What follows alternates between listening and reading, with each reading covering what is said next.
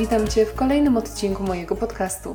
Mam na imię Martyna, a temat na dziś to jedna rzecz.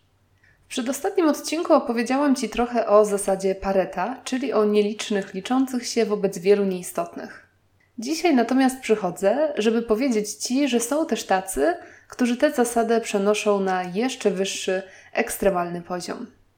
Taką osobą jest Gary Keller, autor książki pod tytułem Właśnie jedna rzecz, który doszedł do wniosku, że w imię spektakularnego sukcesu powinniśmy nie tyle szukać 20% najważniejszych spraw, zadań, projektów i wyzwań, które przyniosą nam najwięcej rezultatów, ale wręcz powinniśmy później te 20% jeszcze zawężać, aż będziemy w stanie wyznaczyć zaledwie jedną rzecz, tą najważniejszą. No i oczywiście następnie powinniśmy się na niej skupić i najlepiej zajmować się głównie nią. Jak piszę, minimum przez 4 godziny dziennie, aby to naprawdę przyniosło rezultaty. Na potwierdzenie swoich słów Keller podaje przykład własnej firmy. W 2001 roku zwołał zebranie menadżerów najwyższego szczebla i postawił przed nimi zadanie polegające na wygenerowaniu 100 sposobów na wybicie się firmy na szczeblu krajowym, które to zadanie zajęło im cały jeden roboczy dzień. Następnego ranka razem wyselekcjonowali z tej listy 10 pomysłów, spośród których ostatecznie wybrali jeden, według nich najtrafniejszy. Tym pomysłem było to, żeby Keller napisał książkę poświęconą temu, jak osiągnąć sukces w ich branży. I faktycznie, 8 lat później książka stała się bestsellerem i wyniosła jego firmę na wyżyny. Był to ten jeden pomysł ze stu. Pomysł, na którym Keller skupił całe swoje działania i wysiłki. Takie podejście jest zgodne ze słowami Henry'ego Davida Thoreau, który powiedział: Nie wystarczy być pracowitym jak mrówka, trzeba wiedzieć, w co tę pracowitość inwestować. Czy Margarity Tatarkowski, która z kolei mówiła: Produktywność nie polega na tym, żeby być wołem roboczym, nieustannie pracować i ślęczyć po nocach, to raczej kwestia priorytetów, planowania i troszczenia się o swój czas, za wszelką cenę. I tu chciałabym się z Tobą podzielić jedną uwagą na temat produktywności. Otóż widzisz, ja przez wiele lat łączyłam produktywność z tym, ile godzin przepracowuję w ciągu dnia i ile faktycznie udaje mi się zrobić. Produktywny dzień to był taki, który przesiedziałam przed komputerem z odpaloną długą listą zadań, które po kolei odhaczałam. Produktywny dzień to był ten, kiedy cały czas coś robiłam. Aż do momentu, kiedy zrozumiałam, że produktywność to nie to, ile godzin pracujesz i nie to, ile rzeczy ogarniasz naraz – Produktywność to takie działanie, które przekłada się na jak najwyższy zarobek na godzinę. Co ma sens, bo zastanów się, jeśli przesiadujesz cały dzień nad jakimś projektem, który robisz dla znajomego za darmo albo za parę groszy, to czy to jest rzeczywiście produktywny dla ciebie dzień? Być może dość konstruktywny, bo nie spędzasz tego czasu przed telewizorem. Ale czy produktywny? Czy ten czas, który poświęcasz na tą pracę czy projekt, w efekcie generuje ci pieniądze albo inne wymierne wartości? Oczywiście zapewne przynosi Ci wdzięczność znajomego i to też jest wartość i możesz zdecydować, że jest wystarczające dla Ciebie. Jednak jak mówię, to nadal będzie dobry dzień, to będzie konstruktywny dzień, ale niekoniecznie produktywny. Ja osobiście zdarzyłam się z takim podejściem do produktywności, a przynajmniej przeliczania czasu na pieniądze, już jakiś czas temu w swoim biznesie. Kiedy uświadomiłam sobie, jak ważna jest specjalizacja, postanowiłam wybrać zaledwie jeden-dwa rodzaje fotografii, w które faktycznie na 100% się zaangażuję. I zaczęłam naprawdę intensywnie myśleć, analizować, pytać swojej intuicji i liczyć na kalkulatorze. Dodam, że w tamtym czasie skupiałam się na fotografii ślubnej. No i po tych analizach wyszły mi dwie rzeczy. Po pierwsze, że intuicyjnie nie chcę się tą ślubną już zajmować, z przeróżnych względów, ale dzisiaj to nie czas i miejsce na omawianie ich. I po drugie, że ta fotografia ślubna wcale nie jest dla mnie tak intratną specjalizacją, jak mi się wcześniej wydawało. Widzisz, zwykle moje reportaże trwały około 15 godzin, czasem nawet 17-18, a często do tego dochodziły jeszcze ze 2-3 godziny na plener w innym dniu. Do tego dochodziła bardzo długa i żmudna w moim przypadku selekcja i obróbka, ponieważ ja jestem totalnym overshooterem, czyli zawsze robię bardzo dużo zdjęć, wręcz za dużo, przez które później muszę się przebić.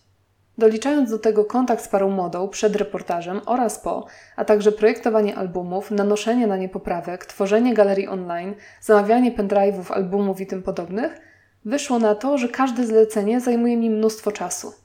No i teraz, kiedy kwotę za reportaż dzieliłam sobie przez tę liczbę godzin, okazywało się, że wcale tak super mi ta fotografia ślubna się nie kalkuluje. No i teraz dla pełnej jasności nie twierdzę, że ona się w ogóle nie kalkuluje fotografom. Znam całą masę fotografów, którzy w taki sposób prowadzą swój biznes, robią relatywnie małą liczbę zdjęć w trakcie zlecenia i mają taki workflow po reportażu, że ten czas skracają do minimum i wychodzą na tym świetnie. I fantastycznie, bo potrzebujemy fotografów ślubnych. Ale dla mnie osobiście minimalizowanie czasu było trudne. Trudne też było podnoszenie cen aż do takiego pułapu, żeby mi się to faktycznie spinało. W efekcie czego, dodając do tego moją intuicję, uznałam, że to po prostu nie jest moja odnoga fotografii. Dużo lepiej natomiast funkcjonuje w krótszych formach typu sesje rodzinne.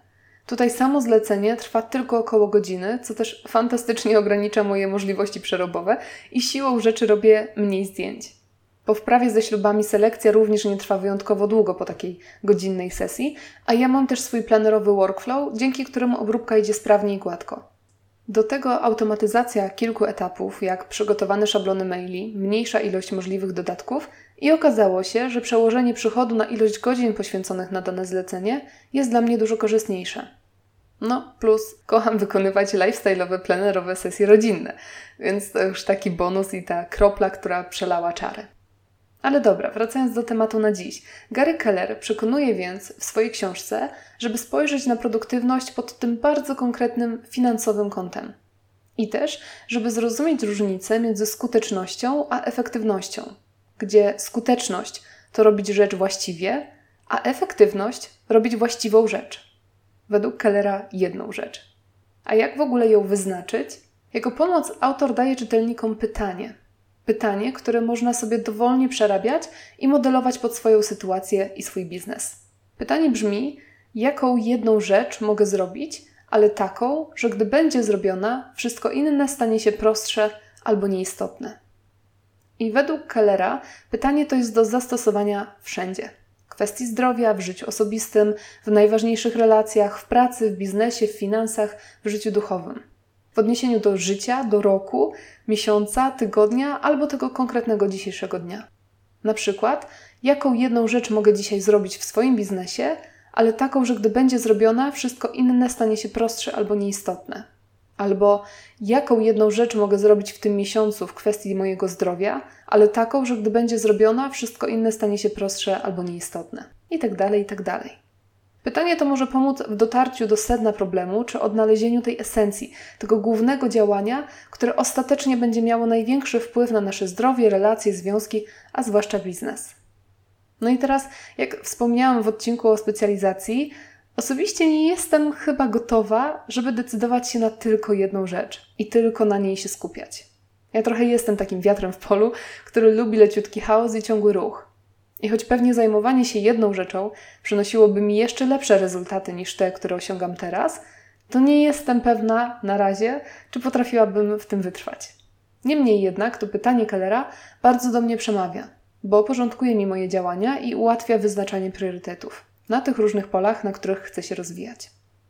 Tak więc to, z czym chcecie zostawić po dzisiejszym odcinku, to po pierwsze – z wiedzą, że dobrze jest fokusować się i koncentrować swoją uwagę i działania na mniejszej liczbie rzeczy i spraw, bo to zwykle podnosi jakość ich wykonania, przyspiesza ich wykonanie i ogólnie sprawia, że to, co najważniejsze i kluczowe, idzie do przodu.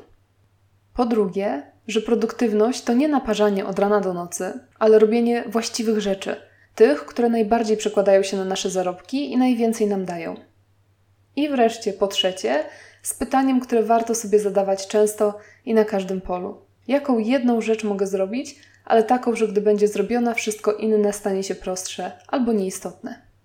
Z tym Cię zostawiam, a co Ty dalej z tym zrobisz i czy w ogóle coś, to już jest w 100% Twoja decyzja. Ok. No i tyle na dziś. Mam nadzieję, że ten odcinek okazał się dla Ciebie choć trochę inspirujący, a jeżeli podoba Ci się to, co robię i uważasz, że ma to jakąś wartość, to pięknie się uśmiecham o zasubskrybowanie podcastu na Spotify albo o podzielenie się informacją o nim z kimś bliskim, czy na przykład poprzez udostępnienie go w swoich social mediach. Wszystkie te działania są dla mnie niezwykle cenne i będę za nie niesamowicie wdzięczna. No i oczywiście, jeżeli masz ochotę się odezwać do mnie, to jak najbardziej zapraszam. Adres e-mail można znaleźć w zakładce kontakt na stronie tematnadziś.pl. Można też odszukać fanpage na Facebooku albo przyatakować mnie na Instagramie, gdzie funkcjonuję jako burgerówka. Tyle. Nie zajmuję Ci więcej czasu w sobotę. Życzę Ci wspaniałego dnia. Do usłyszenia niebawem. Cześć.